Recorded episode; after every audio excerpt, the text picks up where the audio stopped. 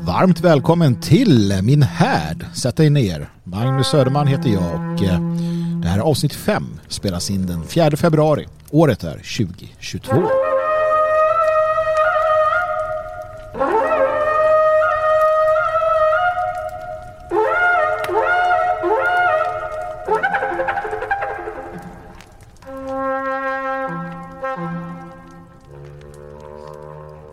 Men då var det dags igen då, god vänner. Dags att eh, härda oss tänkte jag säga, men det är ju inte det man gör. Ja, det kanske man gör också runt en härd.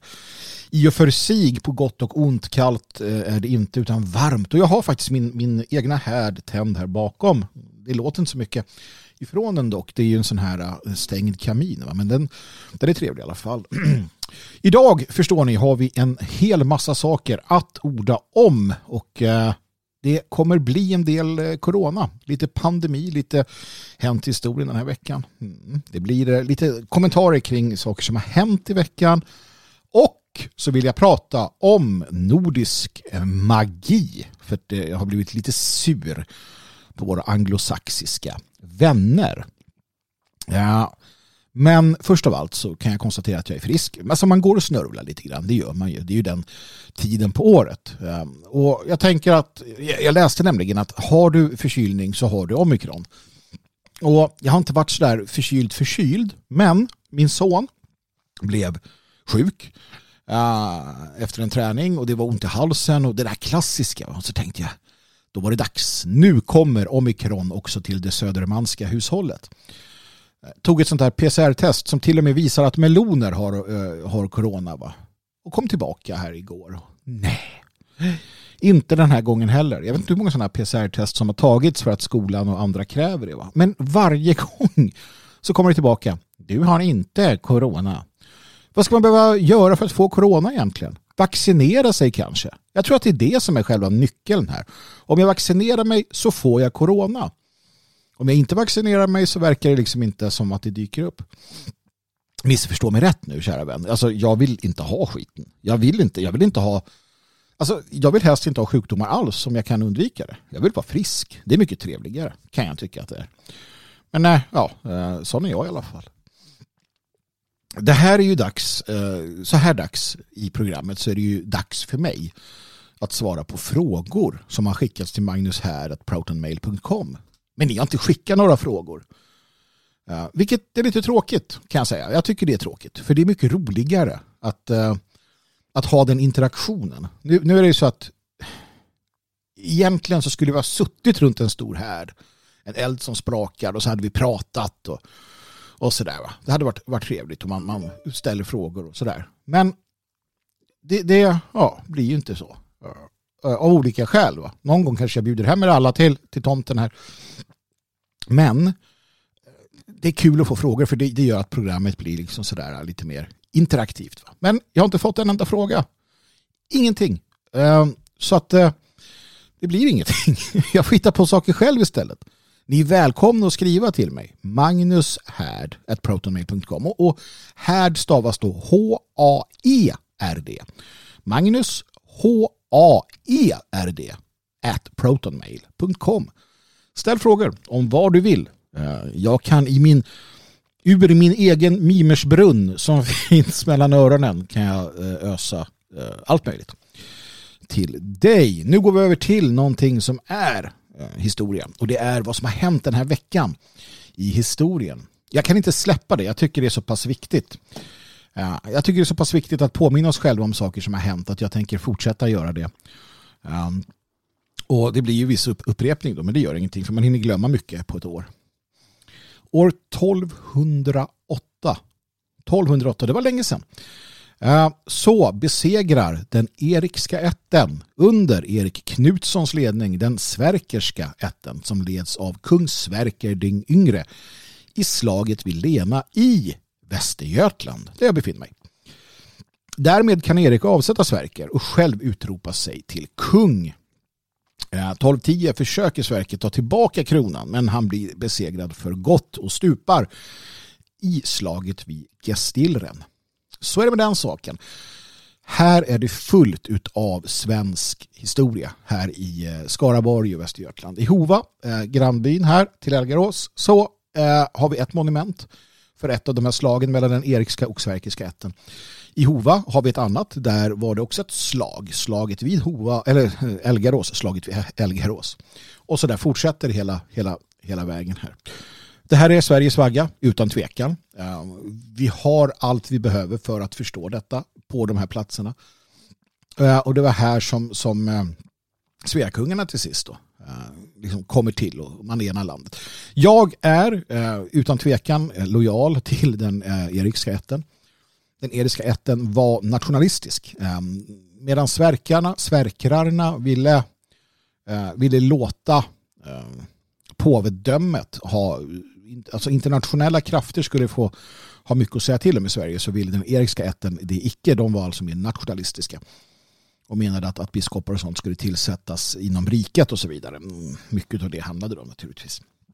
Och vi vann till sist här kan man säga. Sen så blir det en utveckling som, som leder fram till hur, hur Sverige som vi känner idag eh, kom till. Va? Men, men eh, jag bor mitt i, i denna denna av, på denna av, dessa avgörande platser där det ägde rum de här första slagen för att forma Sverige till vad det skulle bli. Så. Någon gång mina vänner så ska jag genomföra det jag har sagt. En guidad tur här i, i krokarna eh, med mig där vi ska prata Västgötaskolan och vi ska titta på spännande platser. Till exempel Odens grav som vi har här. Eh, jag har den 25-30 minuter bort. Eh, och så vidare. Det riktiga Uppsala mytens Uppsala, riktig Uppsala som finns här och så vidare. Eh, fantastiska naturplatser. Alla Göters ting till exempel nere i Skara. Ja, där finns det mycket att se. Eh, en vacker dag så ska det bli av. Det kan jag lova. 1713, den osmanska sultanen Ahmed den tredje. Han är nu trött på Karl XII som har belagt sig själv med sina soldater i Bender, staden Bender han är gäst till turkarna där. Ja, och man, ja, man brukar ju säga det att, att en gäst ska veta när det är dags att, att dra. Karl XII, han visste inte alls det. Uh, han var helt ointresserad av att dra. Han hade varit där sedan 1709 ungefär. Uh, så det är ändå ett, ett, ett, tag att ha den här svenska kontinenten där. Uh, och, och turkarna har försökt nu så här, stackars Ahmed, han har så här, men snälla Karl, stick, eh, jag vill inte ha dig här. Kan du inte bara dra här? Du får pengar och kameler. Nej, sa Karl XII, jag ska bli kvar. Han hade väl sina skäl till det naturligtvis. Eh, såklart, alltså, det var ju brinnande krig och han behövde väl hitta allierade och samla styrkor och gud vet vad. Då. Men eh, år 1713 så får Ahmed nog så att han skickar in eh, 600 turkiska soldater eh, i det svenska lägret och tänker nu ska vi driva ut dem. Eh, kungen, eh, Karl XII, gastade väl lappri lappri och eh, tog ett 40-tal Karolinesoldater och hålls håll höll stånd mot de här 600 turkarna i åtskilliga timmar. Det här är det som kallas för kalabaliken i Bender. Till sist snavar kungen på sina sporrar. Eh, det är då när turkarna har äntrat huset han befinner sig i, eh, kämpat sig förbi eh, liksom, livvakten och trängt in i princip Karl i ett hörn. Då ramlar han omkull på sina egna sporrar och blir tillfångatagen. Lik förbannat så dra så, så väg. Alltså de blir inte av med svenskarna för den sakens skull. Utan de blir kvar ett år till ja, i det Osmanska riket innan Karl bestämmer sig för att nej, okej, okay, jag, jag åker hem till Sverige igen. ja, det är underbart. Um, historien, va? det finns ingenting bättre än, än Eh, historia, framförallt vår egen historia. Och våra kungar, Karl XII speciellt, det är ju en favorit. Eh, inte så mycket, jag vet att många har den här hjältekungen och det där att han var en härförare av rang och sådär. För mig är inte, det är inte det som är det intressanta med Karl XII utan det är Karl XII, människan. Människan som, som tillsammans med någon vän innan han blev kung söp ner sig så djävulskt så att på ridturen från, jag tror det var det, det som idag är Gamla stan då, till Karlbergs slott så vandaliserade de eh, vanligt folks och, och, köpmännens eh, egendom så att det blev ett jävla liv dagen efter. Då hade han ridit där med kompisen och bara slagit sönder, inte vet jag, fönsterluckor och sådär. Eller när han, när han jagade björnar och älgar i slottet. medelst spjut. Eh, jag menar, det är så skönt på något sätt. Ja. Och sen senare hur den här unga pojken då, eh, när han får ta ansvaret som konung, helt vänder om och blir seriös ehm, och omtänksam och, och sådär. Nej, det, det är kul. En gång, jag, en, en gång så uh, var han på något sånt där uh, i någon stad i Europa. Uh, och det kom ju, kom ju högheter från alla håll och kanter för att träffa den svenska konungen. Då så, så var det något som eh, kanske kom för fri. eller något. Han var helt ointresserad av det. Han hade ju redan konstaterat att så länge kriget pågår så är jag gift med hären. Det hade han skrivit till sin eh, syster i Sverige. Men eh, ja, och, och då, då fann Karl XII hela det här sällskapet av ädlingar så jävla tråkigt. Va? Eh, så att han, han satte sig i ett hörn med en eh, typ efterbliven dvärg som de hade med sig. En narr. Och så satt han och pratade med den här narrdvärgen i fyra timmar, eh, berättar, eh, berättar historien. Då. Det var det han var intresserad av, att höra den människans då, livsöden eller vad det nu kan ha varit. Karl XII var också en sån han satt med dvärgen medan de här prinsarna skit fick stå där och se dumma ut. ja, det är fantastiskt. Karl XII, vilken man. Uh, kalabaliken i Bender, det minns vi. Och sist men inte minst då, 1914. Eh, 30 000 säger man här, men det kan nog långt varit långt mycket många fler bönder från hela landet har rest till Stockholm och de genomför då den här eh, demonstrationen som heter eh, Bondetåget. Man visar sitt stöd för Gustav V och hans eh, försök att, att eh, hävda sin kungamakt helt enkelt. Det var ju redan då, 1914, försök då till att, att inskränka den mer och mer och mer. Det där fanns liksom på agendan. Eh, och eh, det hålls ett borggårdstal som bland annat Sven Hedin var med och författade om jag inte minns fel. Eh, och där kungen då resonerar kring den svenska försvarsfrågan och så vidare. Han går emot regeringen, stavspolitik och, och så vidare. Och det blir då borggårdskrisen, en politisk kris. Eh, det här är sista gången som, som den svenska regenten försöker hävda politisk makt i Sverige på det sättet. Och efter detta så kommer han tvingas att acceptera parlamentarismen då. Ehm, som då 1975 avskaffar, alltså i och med den nya regeringsformen då, eh, blir verkligheten. En, sor en, sorglig, en sorglig utveckling. Vi hade utan tvekan behövt en kung. En kung som hade kunnat att eh, en kung som hade kunnat uh, sätta ner foten. Jag har inget emot eh, partier faktiskt. Jag tror att det kan vara nyttigt på sätt och vis i ett samhälle. Eh, att man får ha partier eller partier kring människor eller sådär. Val har jag inget egentligt problem med heller så länge det sker inom rätt homogena nationsbygge eh, liksom, och sådär. Men det behövs en kung. Det behövs en fast hand som är uppbackad av sådana drabanter vi har pratat om tidigare, utav armén och, och så, som, som vet att hålla rätt på politikerna när de, när de spinner iväg, som vi har sett hur de har gjort under uh, i närtid här, va? där man, det här tar käbbel. Då kan det behövas någon som, som tittar, tittar ner från slottet och säger nu, nu skärper ner. Nu skärper ner politiker jävlar annars tar jag, tar jag över. Men det är i alla fall lite historia från den här veckan och här kommer ett viktigt meddelande till eh, allmänheten. Det kan vara din granne. Det kan vara han som kör dig till jobbet i taxin. Vi finns överallt.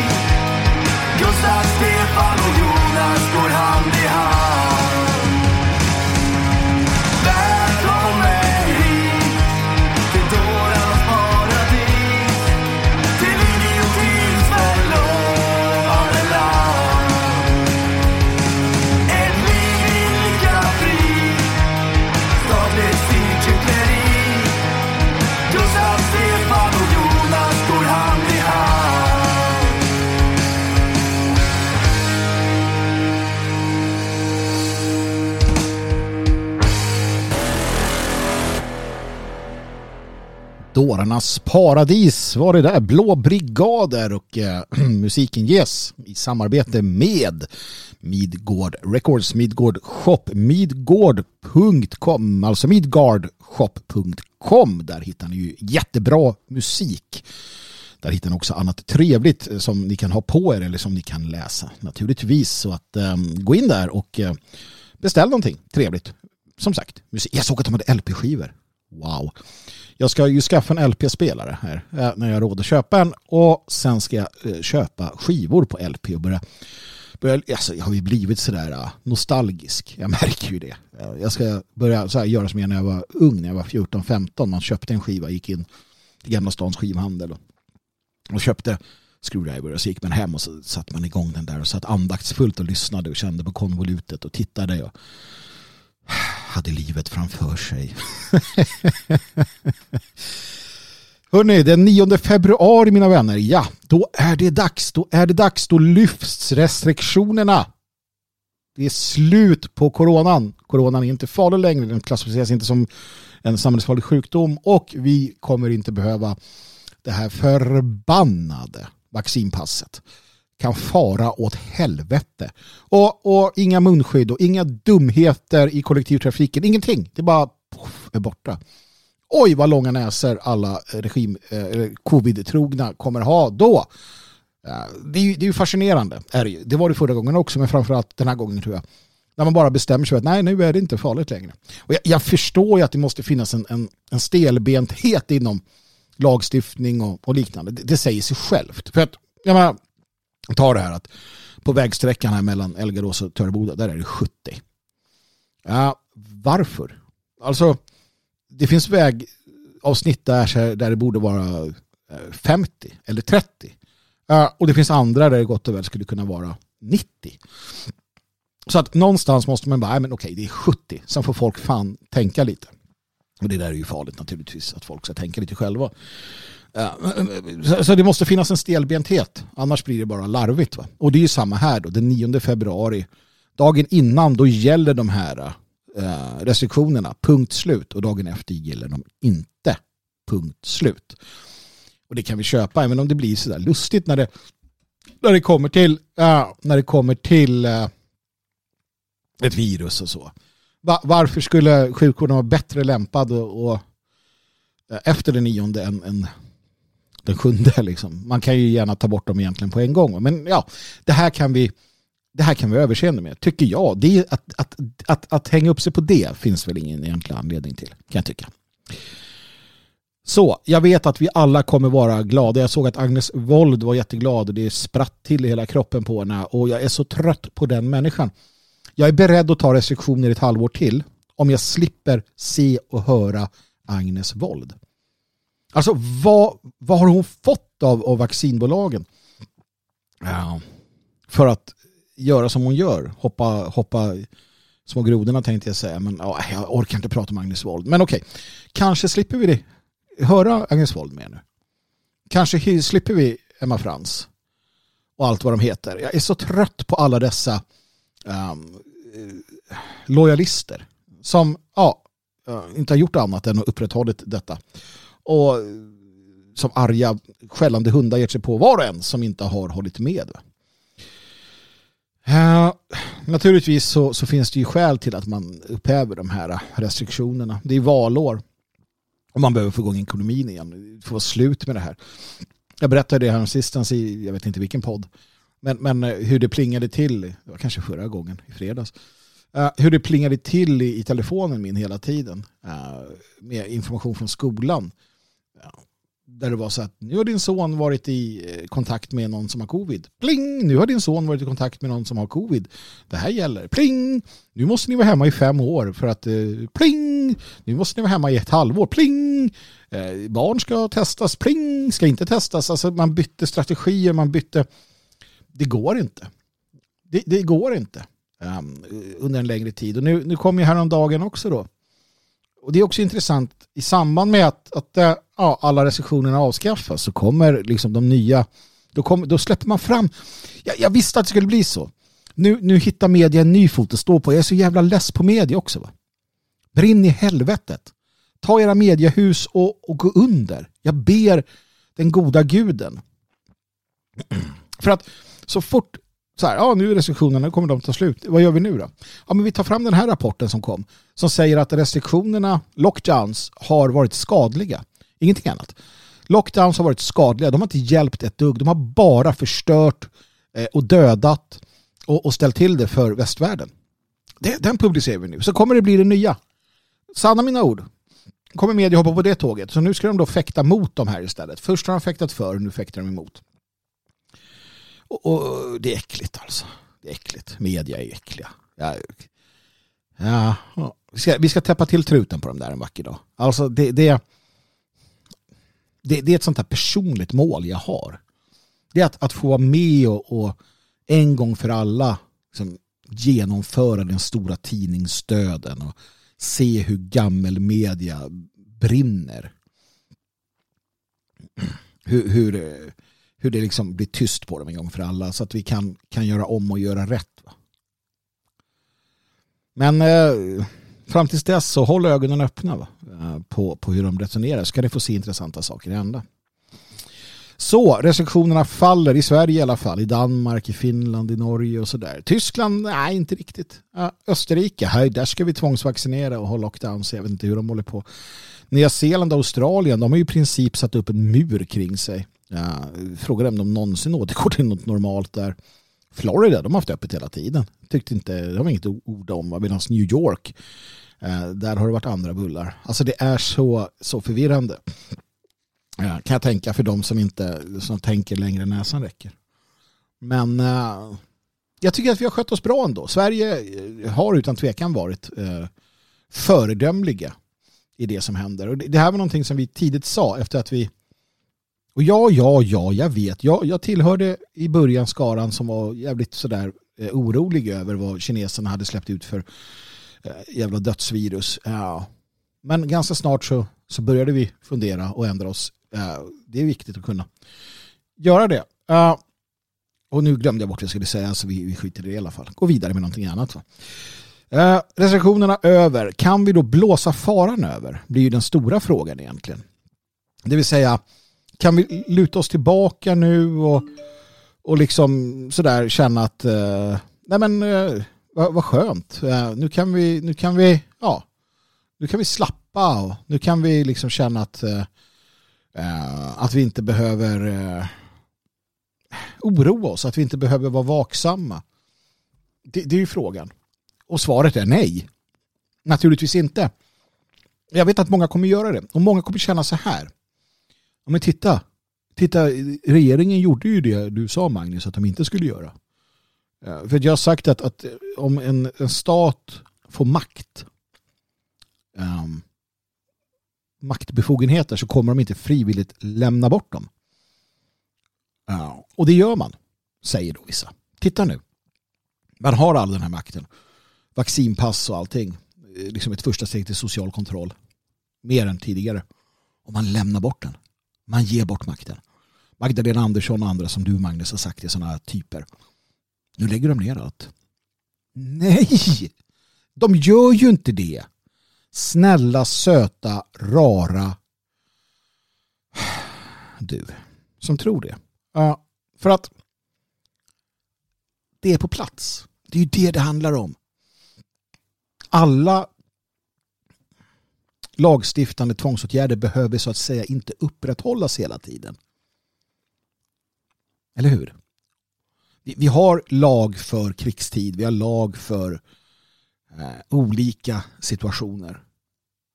Eh, men den upprätthålls ju inte, så att säga. Drivs inte igenom om det inte känns nödtvunget.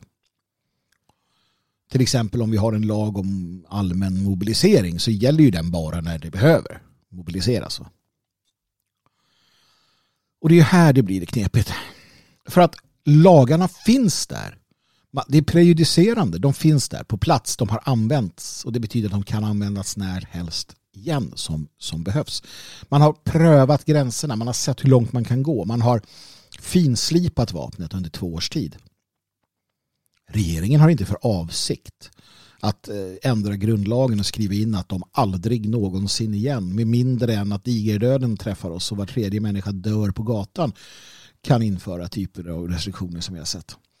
Man, man avser inte att skriva in och hugga i sten att vaccinpass eller sociala poängsystem av liknande typ inte får utvecklas i Sverige, inte får användas någonsin.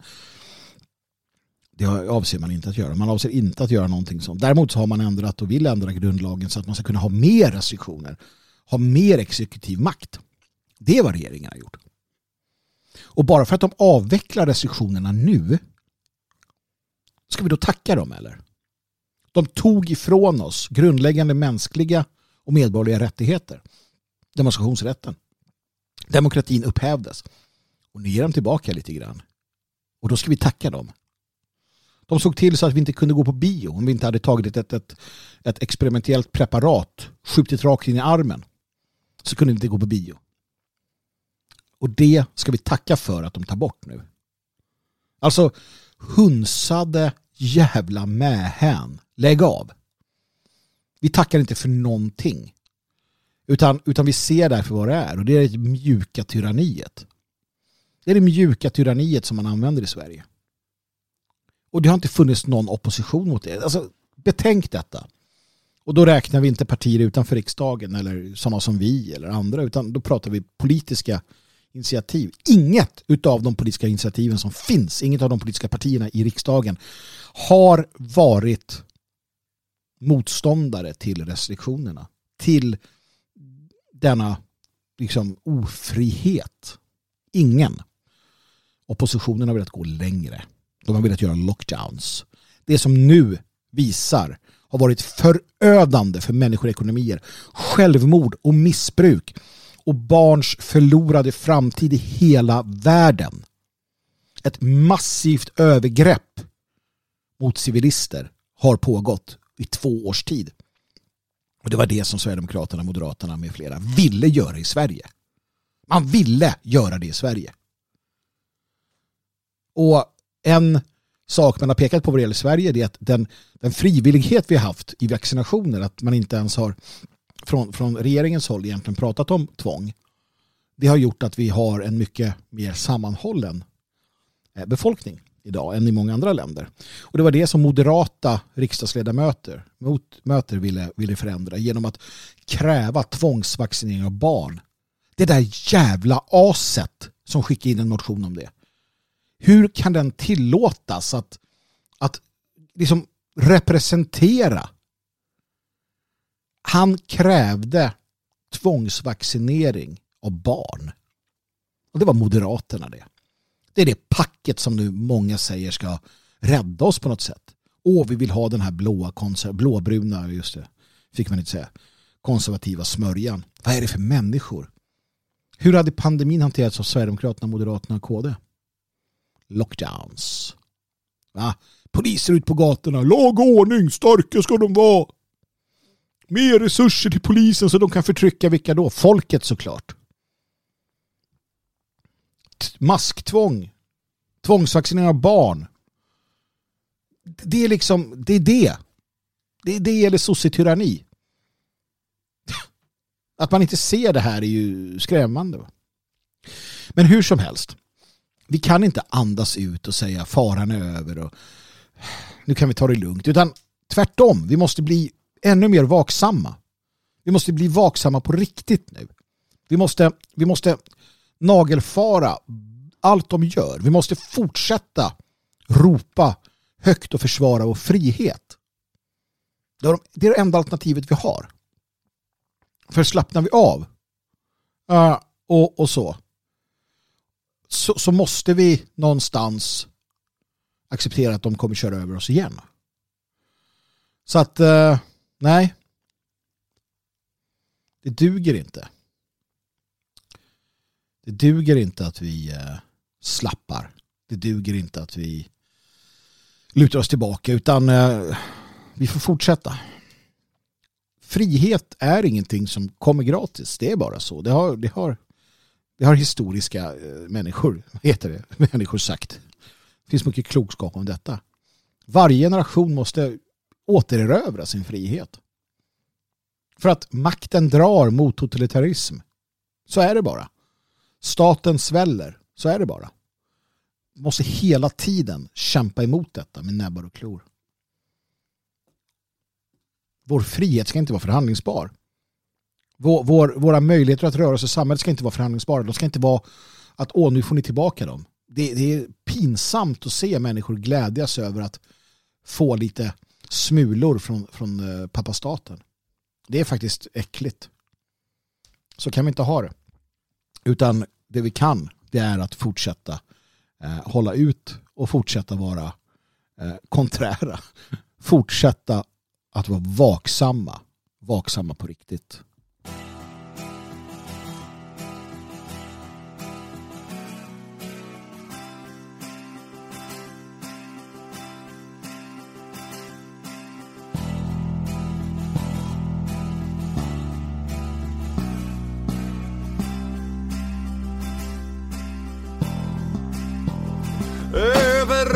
Dyker de upp ifrån Detroit till Mongoliet och inte minst kring och i miljöjävlapartiet. Ibland håller de käften och gör typ som de ska, men stundom får de för sig att de är något att ha. Det är ungdomsasen som har kommit till den fasen att de tror att de ska göra nytta, göra saker bra sen och utspökade står de i någon skruttig jävla stass. Ger ni mening åt uttrycket ramla bort i tattarlass? Vi ska nedan strax betrakta några väl utvalda sorter trots att risken blir rätt stor att det uppmuntrar aborter. Vi har den ledsna flickan som har läst någon jävla bok av någon annan virrig fjortis som fått för sig hon är klok. Så nu sågas det i armar, ben och bränns på knä och buk tills hem och skola griper in och säger hon är sjuk. Det blir antidepressiva så botas puberteten. Kanske skriver hon en egen bok så fortsätter man smeten. Verkar lite konstigt, jag har ett annat sätt. Rejält med smisk och sen en kurs i virkningsstäd och folkvett. Det vore mera smart och därmed numer otänkbart. Så vart fan vill jag komma? Ta det lugnt, ni fattar snart. Ungdomsas ska inte ha någon ungdomsgård. Ungdomsas Hampus, Stina, John och Tord. Ungdomsas ska inte hänga på min gård För då uppstår genast ett behov av massiv ungdomsvård.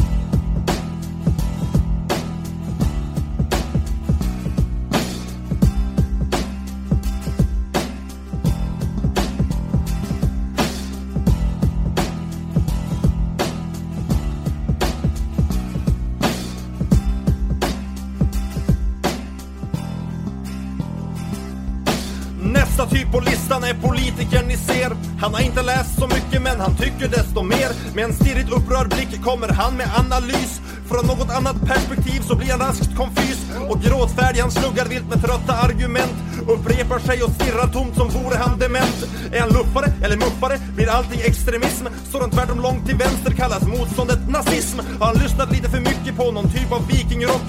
Kan man räkna med att han är lika klipsk som han inte är tjock? Men vad han än tycker och vad han än är är han alltid densamme. Ett drygt litet svär, ett stort litet puck och bara en sak finns som tröstar. Det är att det lilla aset ännu inte går och röstar. Så vill du sänka rösträttsåldern kan du hälsa hem.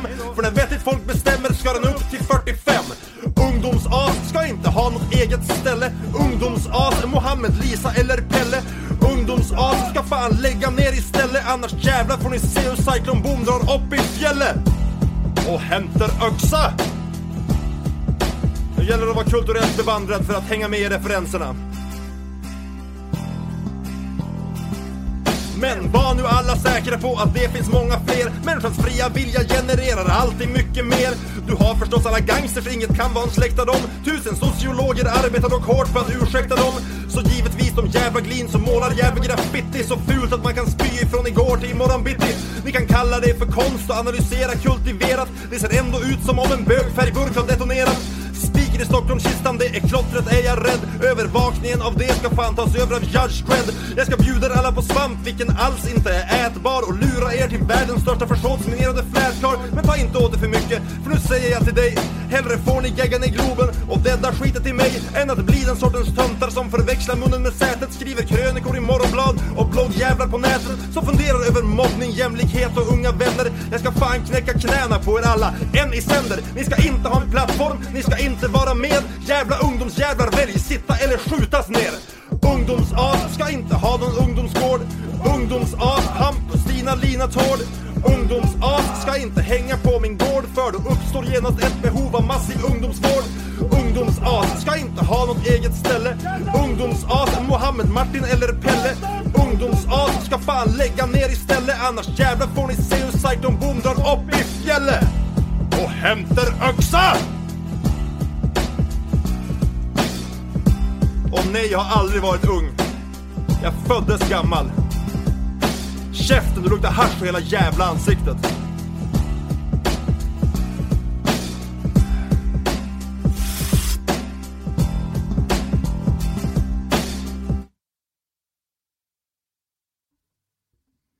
ungdomsas. Va?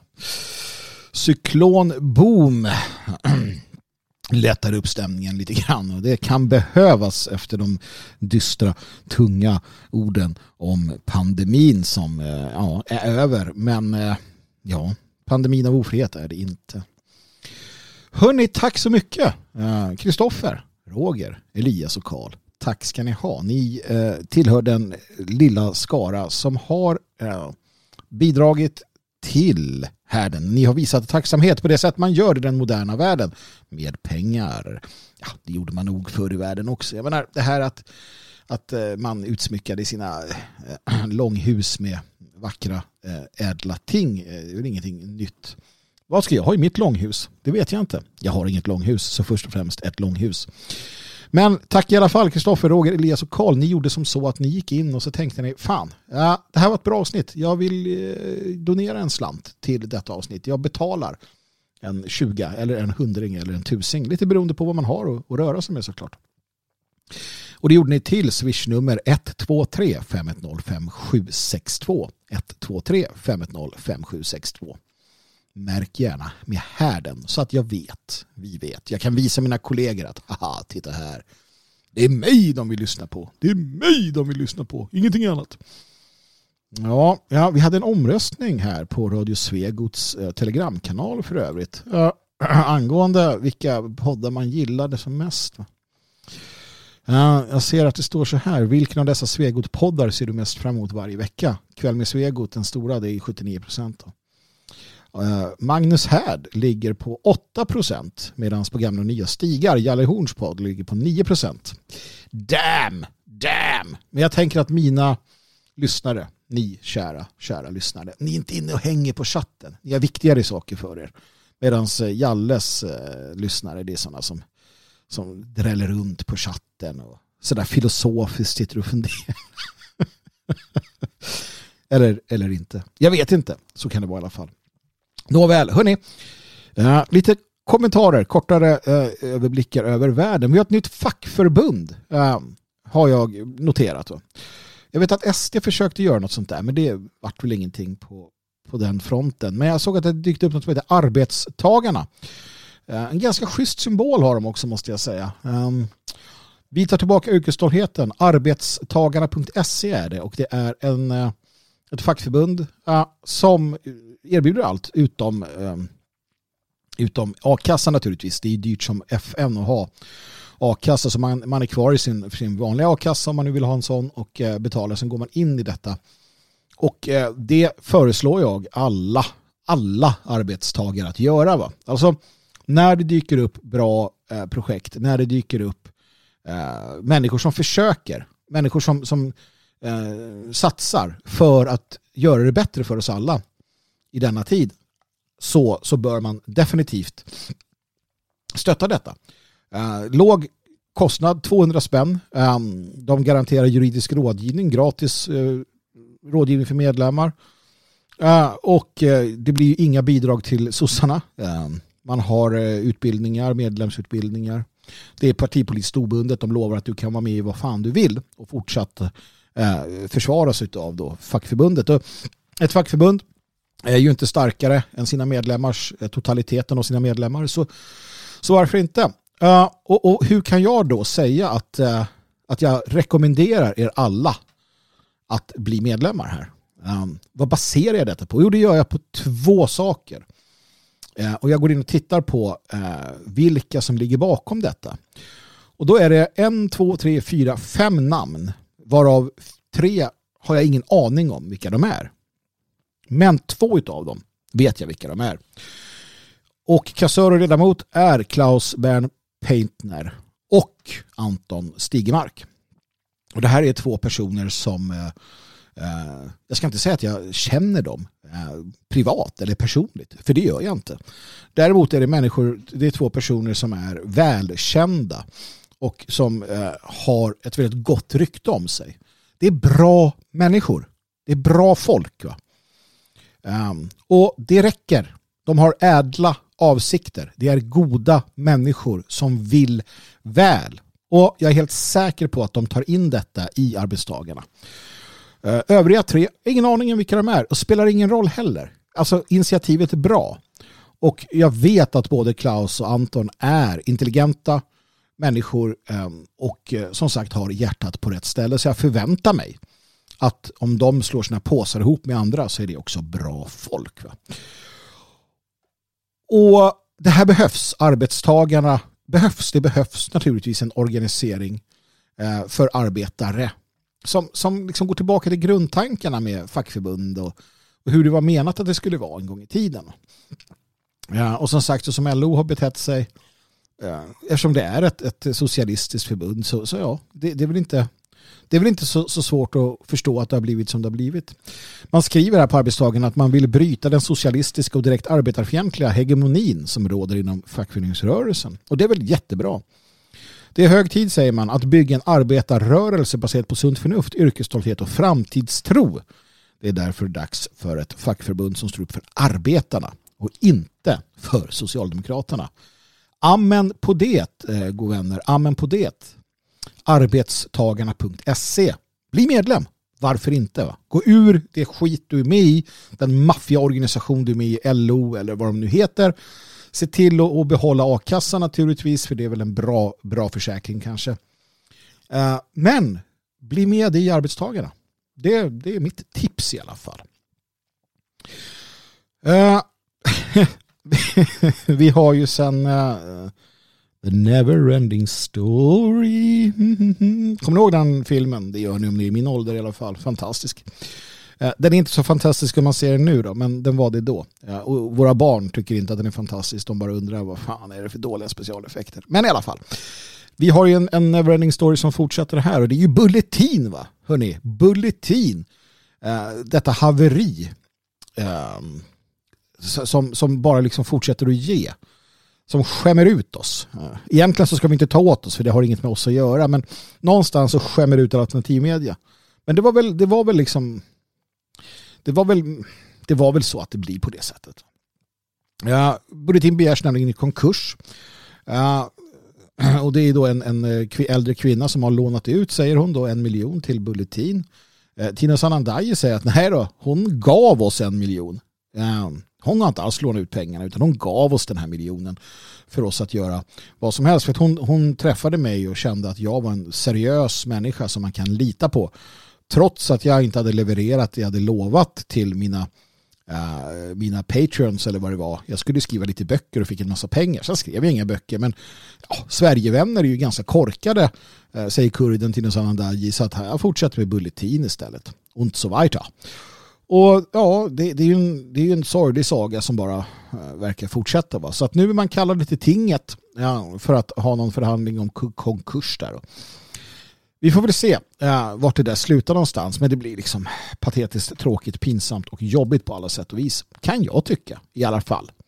Men det är jag det. Uh, samma som med det här fackförbundet. Då. Finns det seriösa alternativ så bör de ju stöttas. Eller hur? Ja, Bulletin är inte ett seriöst alternativ. Stöttar de inte. Ja, jag brukar ju ge mig på polisen ibland så att jag tänker att jag ska göra det igen. För det blir ju bara värre hela jävla tiden. Ja, ni vet att eh, jag sa ju det inledningsvis. Det, det, är viktigt och bra det här med eh, historia. Historia är bra. Man lär sig av historien och så vidare. Eh, polisen eh, tycker inte riktigt det. Nej, för att de tar nu bort krav på historiekunskap eh, för blivande poliser. Jag, jag orkar inte. Jag vet ju att polisen lyssnar på det här. Någon stackars filttoffla um, som sitter där ute på ingenting sitter ju och lyssnar på de här avsnitten. Och snälla, fatta. Alltså hur tänker du kring det här egentligen? Eller tillhör du dem som, som har liksom rekryterats av polisen med sänkt... För det, det här har hänt, följande har hänt under åren i polisen sänkt krav på intelligens. Sänkt krav på svenska kunskaper. Uh, sänkt krav på, fysiska, eh, på, på det fysiska. Och nu då sänkt krav på, på historiekunskaper. Kära polis som lyssnar på detta. Tycker du att det här är en bra idé? På riktigt, gör du det?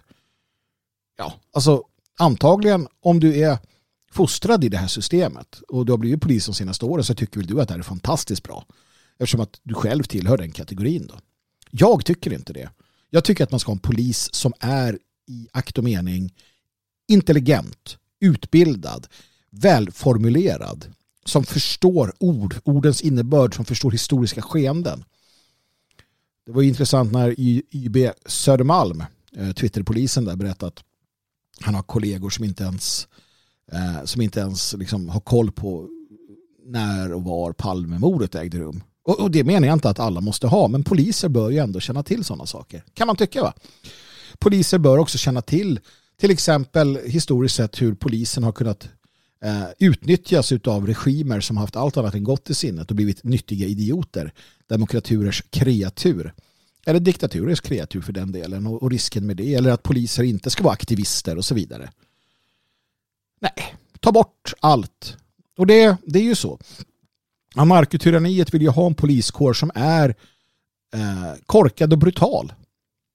Som gör som de blir tillsagda och inte tänker längre än näsan räcker. Så bort med alla krav och kvalifikationer. Sätt ett vapen i händerna på dem och lyd order. Det är vad vi har. Det är vad statens gäng, Sverige ABs gäng, eh, reduceras till.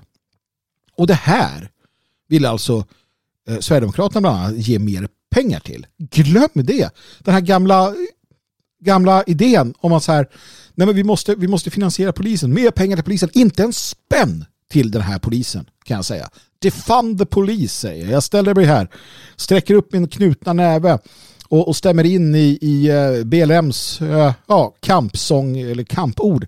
Defund the police. De här ska inte ha en spänn. Jag menar, vem vill ge vår polis som den ser ut idag resurser? Du, du måste ju vara masochist. Du vill bli illa behandlad, eller hur? Är du nationalist och vill ge svenska polisen mer resurser, mer pengar, mer rättigheter att, att, eh, till, till våldsanvändning eller annat, då är du ju fan dum.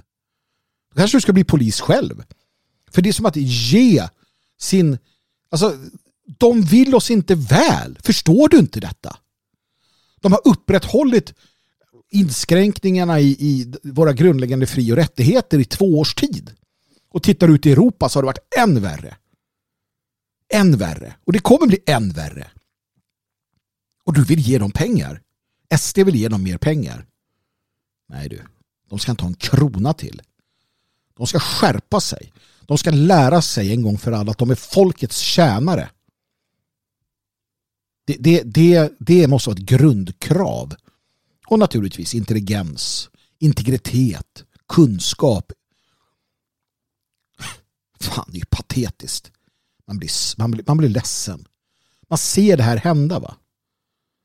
Man blir ledsen. Någonting som inte gör mig ledsen det är partiet Nyans. Jag vet inte, ibland undrar jag. Om jag, är jag, är jag, jag vet inte, vad är jag för något? Vad håller jag på med? Alla verkar tycka tvärtom mot mig. Eh, Man blir så arg på partiet Nyans. Åh, nu har de bildats ett muslimskt parti. Ja, alltså, uh, först och främst, det var väl väntat. Uh, det var det ena. Det andra är, att, ja, men är det dåligt då? Tittar vi på demografin, hur det ser ut idag, tittar vi på det politiska uh, landskapet, på taktik och liknande. Är det dåligt med ett muslimskt parti? Nej, varför skulle det vara det? Tänk vad bra om muslimerna uh, splittras och samlas några stycken i nyans. Är det bättre eller sämre att alla muslimer röstar på sossarna? Eller vänstern? Eller Miljöpartiet? Eller vad det nu kan tänkas vara. Varför vill vi alltid det? Varför vill vi att liksom Nej men det är bättre såklart. Skapa egna partier. Ett kurdiskt parti kanske. Ett somaliskt parti. Det är väl jättebra om varje invandrargrupp eh, skapar ett eget parti. En egen sådär eh, struktur. Eller? Ja, det är det. Såklart. Partiet Nyans är bra. Det är bra. Jag, jag ger dem mitt, mitt stöd. Fortsätt gärna organisera er sådär. För det betyder att våra motståndare splittras. Det betyder att, att sossarna tappar stöd. Det betyder att, eh, att valboskapen de har importerat, för det sanna mina ord, det är så sossarna ser på, på flyktingar. Det är valboskap som ska säkra deras makt. Men om de går till Nyans eller andra partier Ja, för att, för att sannolikheten av nyans, det är väl ingen som tror att de kommer få 51 procent av rösterna. Eller? Alltså så farligt är det inte. Ja, på sin höjd så kan de väljas in i typ Malmö kommunfullmäktige. Något. Men varsågod, vem bryr sig? Alltså, vem bryr sig om, om Malmö? Där har ju svenskarna sedan länge bestämt sig för att det ska inte vara ett svenskt ställe. Det ska vara utlänningar där. Och så har man röstat på samma gamla politiker. Samma Södertälje. Visst, det är tråkigt för oss eller oss eller er svenskar som, har, som bor kvar där, som, som liksom tvingas till det. Men ni förstår ju vad jag säger. Ni är ju inte korkade. Va? Um, och ni, ni, kanske tittar på att försöka ta er därifrån. Nej, så att nyans är inget problem med den bemärkelsen. Det, det tycker jag inte att man ska se. Utan snarare är det bättre att de organiserar sig. Det är bättre att de organiserar sig efter sina shia och sunni och det här är nyanser och turkar tror jag. Va? Och kurderna har sitt och, och, så vidare. Och så håller de på så där. Splittrar upp sig. Um, för att det, det, oh, det, jag vet inte. Alltså vi måste utgå ifrån den värld som den är. Alltså svenska samhället ser ut på ett visst sätt. Det är det här att bli arg över det här, det är att inte förstå de grundläggande demografiska förändringar som har skett. Det är att, inte, det är att, inte, det är att, att leva i en fantasivärld. Där, där så här, oh, men det ska inte vara så här. Nej, det ska det inte. Men nu är det så. Va? Och då måste vi titta strategiskt på detta. Och, som svenskar. Och, och, som, som fri svensk så är det bra om, om de här andra minoriteterna. Och jag säger andra för att vi är också en minoritet. Börja se dig som en minoritet. En av många minoriteter som slåss om resurserna i Sverige. Ehm, det är bra om de organiserar sig så vi organiserar oss på vårt håll och sen så får vi se. Jag litar så pass mycket på vår genialitet på vårt folk att jag inte oroar mig på det sättet. Bara vi får rätsida på hur vi betraktar oss själva så är saken en biff. På riktigt så är det det. Jag menar, våra folk har kuvat jorden. Man kan tycka man vill om det, men vi har gjort det. Fåtalet eh, vita har alltid lyckats Eh, med de mål man har föresatt sig. Jag är inte orolig. Ehm, bara vi får ordning och reda på saker och ting. Ehm, faktiskt. Så att Det är ju jättebra att man inte enas utan att de här grupperna splittrar upp sig. Och det kommer de göra. De kommer splittra upp sig efter ras, etnicitet, kultur, religion och så vidare och så vidare och så vidare. Det är så det är därför det mångkulturella samhället faller. Alltså man måste förstå det, det här är en del av den processen. Det här är en del av slutet på det mångkulturella samhället. Det kan ta 100-200 år. Men vi lever mitt i processen av deras undergång. Inte deras framgång. Och det är bara att hantera det, hacka i det, det. var en vuxen man eller kvinna om det. Det är det vi, vi måste, så att säga, vara.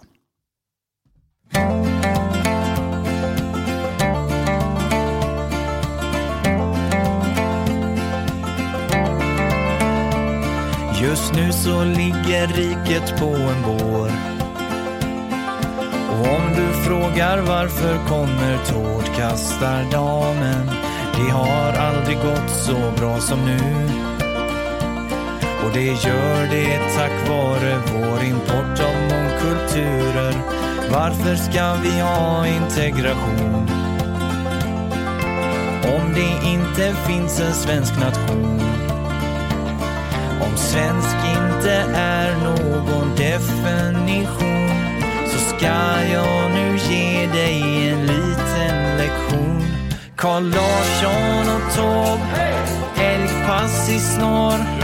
Bellman och Fröding, fäbo, jäntan som gillar korv och Selmas Pyssling, Bamse, Strindberg och Alfred Nobel. Svenskar är vita. Och landet är vårt. Svenskar är vita. Och landet är vårt.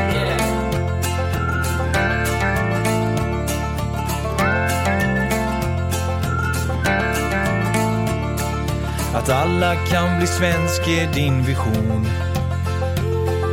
Och jag kan bli japan om jag har rätt dokumenta. Din hjärna har semester men munnen jobbar över. Någon som är en fena på orden brottar Lena. Carl Larsson och Taube, älgpass i snar Bellman och Fröding, fäbo, jäntan som gillar korv och Selmas Pyssling, Bamse, Strindberg och Alfred Nobel. Svenskar är vita. Och landet är vårt. Svenskar är vita. Och landet är vårt. Hallå, hej. Det är också bara en helgsta ungdomar. Det är bara en i lokalen och det är bara tal. Och också på dig. Stora barn, 20 år, 25 år. Bara idag 2001, 2003, 2004, 2001. Mycket och våra områden, en i lokal och enligt det också en, den här på dig. Carl Larsson och Taube, älgpass i snår. Bellman och Fröding, fäbo, jäntan som gillar korv och Selmas Pyssling, Bamse, Strindberg och Alfred Nobel. Svenskar är vita. Och landet är vårt. Svenskar är vita. Och landet är vårt.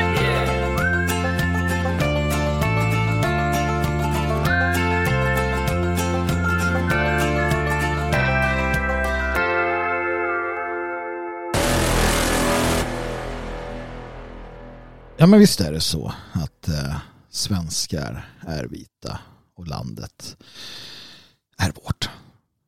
Så är det. Men det betyder inte att det är så just nu. Och det är det vi måste anpassa oss till. Så, sist men inte minst så vill jag prata med er om någonting viktigt. Egentligen är det här det som är det viktigaste. Det viktigaste av allt. Eh, och det, det är... Jag noterade nämligen, ehm, och jag har gjort det några gånger, att mina anglosaxiska bröder och systrar har en, och inte bara dem, men de har en väldig förkärlek för Julius Evola, baronen, den italienska magiken. Och det är Evola till höger och vänster. Ehm, det är hans böcker överallt. Det är hans ehm, lära som sprids och tas, eh, tas till. Och ja, jag eh, noterar detta och tycker att det är lite bekymmersamt ändå. Ja. Framförallt bekymmersamt eftersom att det är i grund och botten liksom germaner som tar till sig en latinsk eh, version, eller en latinsk tolkning eller en latinsk, vad du nu vill utav detta. Alltså esoterik och mystik, det är viktigt och det är intressant. Och det har inom sig många, många, många sanningar som är till gagn för människan, för folket. En gång i tiden så var politik och religion och medicin och vetenskap, det var en enhet. Det var, en, en, en, liksom en, det var inte uppsplittrat utan man, man respekterade de olika beståndsdelarna av det mänskliga livet. Och det här förändrades naturligtvis beroende på vilka folk och raser som tog det till sig. Alltså det finns esoterik inom all, alla folk. Alla raser har sina egna eh, artegna uttryck för detta. Och naturligtvis uppsplittrat mellan dem också. Och den här fascinationen som jag ser för eh, Julius Evola tycker jag som sagt är lite problematiskt framförallt när det är germaner som, som omfamnar den helt, eh, helt utan att, att eh, fundera över detta. För det finns sådana såna stora skillnader mellan den latinska världen och den germanska världen när det kommer till, till de här viktiga sakerna. Att det torde vara att det torde vara någonting som, som skulle vara en skiljelinje egentligen. Om man inte bara vill se Julius Evolas fullständiga von oben-attityd. Hans, uh, hans feodaltänkande som slår igenom i den, i den mystiska, i den mystiska liksom, idén. För att vi i Germanien vi har inte det här slavsamhället på det sättet i oss. Feodalsamhället slog aldrig rot här. Vi hade fria bönder, odalmän och, och liknande. Det, det, hade man inte i Italien. Eller delar, andra delar av Europa, Sydeuropa, sydlänningarna helt enkelt. Utan det finns det här feodaltänket. En elitistisk idé som faktiskt klingar jävligt dåligt här i Germaniens skogar. Och Evola har det här i sig. Hela hans, hela hans magi är någonstans genomsyrad av denna liksom, eh, ganska inrökta eh, feodalistiska, elitistiska, aristokratiska eh, idé. Alltså, I Germanien så är aristokraterna det är de fria bönderna. Odalfolket. Det är de som, som arbetar hårt och äger sitt arbete. Medan i feodalländerna så är det liksom baronen, herren som sitter där i, borgen och försvarar sig mot andra herrar i andra borgar. Och sen har de sina livegna bönder som jobbar åt dem. Ganska osympatiskt kan jag tycka. Och, och, det här går igenom och slår igenom i hans esoterik. Den borde vara ärligt talat frånstötande för, för oss germaner. Och det är därför jag tycker det är problematiskt när jag ser hur jänkaren mass äh, hyllar och tar till sig Julius Evola och liknande som någon form av äh, eh, lanterna att följa i de här spörsmålen. Det är det inte. Nej. Det finns naturligtvis intressanta saker att ta med sig från baronen men, men han delar ju inte vårt kynne. Och han närmar sig magin på ett sätt som, som är främmande för mig som german och borde vara det för, för alla andra. Jag blir inte heller imponerad av hans andliga rasresonemang eller den generella antifolkliga utgångspunkten. Det finns liksom ett, ett illa dolt, om ens försökt, förakt för folket i det han skriver, i, i de läror han så att säga förestår. Ja, och och det, det, det, blir, när man förstår det här och ser det här så blir det inte så konstigt att se. För till exempel när Julius Evola var i Tyskland och föreläste så var han under uppsikt av säkerhetstjänsten SD. De var inte helt nöjda. Ehm, tyskarna var germaner. De hade en folklig, folkish, folklig inställning till saker och ting. Uh, här kommer en, en, en sydlänning uh, med, liksom det här, med sitt arv då och, och eh, sin elitism, sin, sin liksom påhittade från vårt sätt att se aristokrati. Så man var inte alls, eh, alls nöjd med detta. För att så här är det. Det här är en grundkurs i, i magi. Vad är magi förresten? Vad är det jag menar? Är det, äh, är det liksom att kunna trolla fram saker? Nej, det är inte det jag åsyftar. Uh, absolut inte, utan det, det är mer en, en magi är mer den här den magiska världen, den mytiska världen, de arketypiska värdena. Eh, den andliga aspekten av tillvaron och förståelsen för att det finns så mycket mer än bara det du kan känna och ta på. Ehm, det som inspirerar. Det som är eh, blodets röster, det som är kopplingen till fäderna. Den, den metafysiska eh, verkligheten som finns och så vidare allt det här är det magiska, den magiska tillvaron som vi har levt i. Så Germanien är en magisk plats. Det är inte så konstigt att våra fantasyförfattare har lyckats hämta, eller, hämta sin inspiration från denna germanska värld. Och det är inte så konstigt att vi, vi hade reformationen. Man kan tycka att den i sig då inte var magisk på det sättet. Men det handlar om en annan sak. Och det är den politiska. Alltså, återigen, sydlänningarna har sin katolska kyrka, sin underkastelse. Det är en magi i sig i kyrkan, katolska kyrkan, som gick ut på att prästen pratar latin också här. Att man inte förstod vad han skulle säga. Det fanns en det finns ett avstånd mellan prästen och kyrkan och det vanliga folket. Man går dit och så tittar man och eh, följer riterna och sen så eh, det var en katolik som förklarade för mig att går i mässan det är, liksom, det är mellan prästen och Gud. Du sitter bara där och säger ja och amen och sen är det klart. Och det är det här feodala igen. Pyramidiala strukturen, påven och neråt. Eh, funkar inte för oss. Vi, vi bröt ner detta. Vi vill inte ha det här systemet. Vi ville välja våra präster. Vi ville, vi ville liksom ha den germanska versionen utav denna magi. Och det fick vi. Ja, vi tog oss den. Och det här gäller naturligtvis esoteriken också, magin. Vi vill inte ha deras pyramidiala strukturer. Vi, vi, vi ser inte detta som någonting för en liten elit utan den, den germanska magin är för folket. Det här måste man förstå. Den ariosofiska magin, alltså förståelsen för vilka vi är, runorna, betydelsen av dem och så vidare. Det är för folket. Det omfamnas och ska omfamnas av hela folket. Den här inrökta mysticismen som, som liksom eh, finns och som många eh, försöker anamma just för att det får dem att känna sig bättre själva. Det är inte det, är inte, det, är inte det som den germanska sfären har, har ägnat sig åt.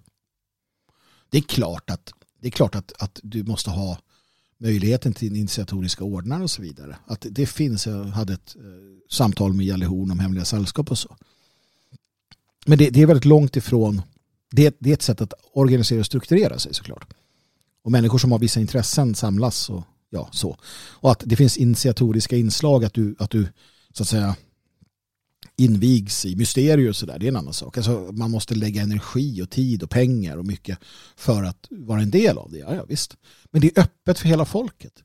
Det är inte den här elitistiska eh, idén som, som har slagit rot. Eh, som kommer från, från en helt annan typ av rassjäl. Nej, tacka vet jag Herman Löns eller Fidus, folkkonstnärer, Fölkersrörelsen, alltså den magi som uppstår i Tyskland i slutet på 1800-talet. Fölkersrörelsen, ett, ett, ett, utan tvekan ett slag emot den här uh, den här uh, vad ska man säga? Alltså hur det hade blivit. Du har åtskilliga personer som bryter sig loss från frimurarordnar och skapar egna germanska sammanslutningar för att, för att hitta den germanska magin, för att hitta, för att hitta den här äh, folkliga, folkliga eh, magin igen.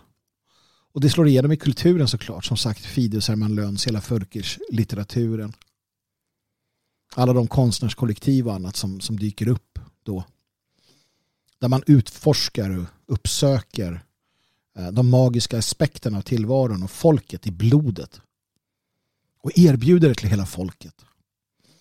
Inte att man sitter undan gömd med stora luntor av böcker och känner sig viktig. Den här överlägsenheten. Den här evolianska idén. Tvärtom. Det var livets magi i vardandet som Fölkisrörelsen genom sin konst och kultur och hela detta, ja, politik för den delen också ger uttryck för.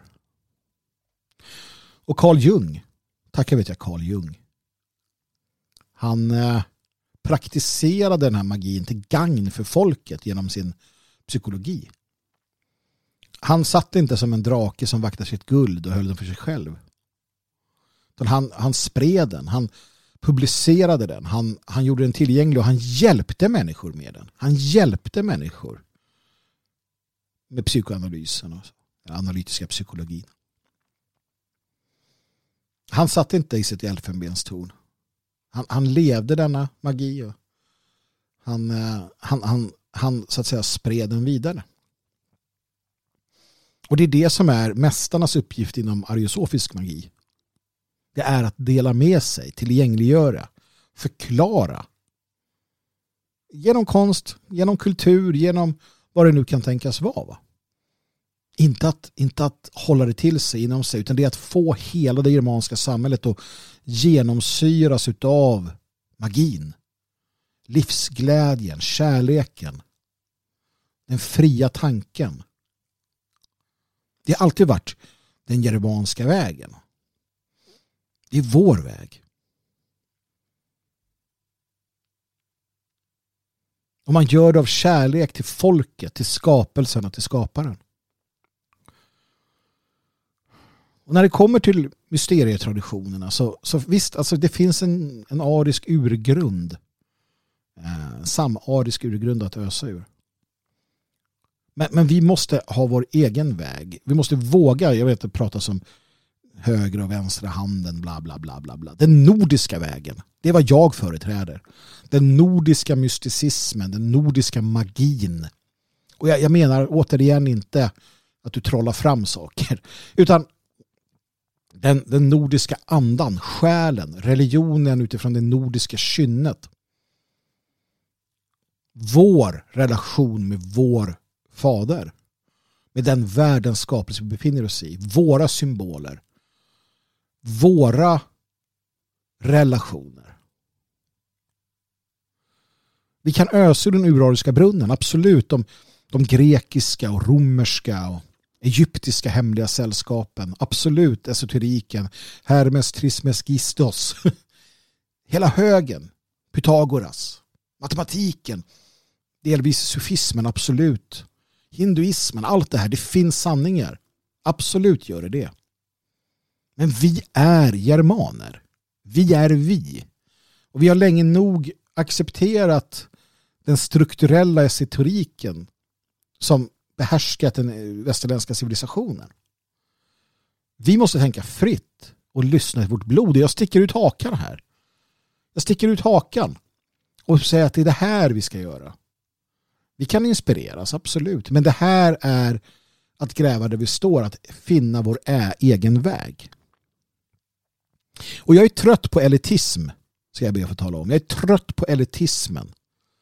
För att den starke, den modige, den inspirerade mästaren, han eller hon, ja, hon ska leda genom att vara en ödmjuk tjänare. Det var så våra stora kungar och furstar och ledare och ja, andliga mästare har gjort. Och det är vår väg. Det är den germanska vägen. Det är den vi ser när vi blickar ut för nordlig horisont och det är det vi måste göra. Vi måste vandra vår egen väg. Och det är där vi står i detta nu. Jag eh, tackar dig för uppmärksamheten. Hoppas att du har eh, fått lite inspiration och lite eh, nya tankar. Det är viktigt att ha. Så till nästa gång önskar jag dig en fantastisk uh, tid helt enkelt fantastiskt liv. Gör allt du kan för att leva så gott du kan och så bra du kan för vårt folk och vår nation och våra mästare. Jag eh, hoppas få höra av dig. Skriv, mejla, frågor, tankar. Magnus Härd skriver till då. Finns i beskrivningen till det här programmet alla adresser och liknande. Innan jag lämnar dig, innan jag lämnar dig för helgen och nästa vecka så glöm inte livets mening. Slåss med troll, befria prinsessor, döda varulvar. Det är att leva. Och sist men inte minst, ge aldrig upp.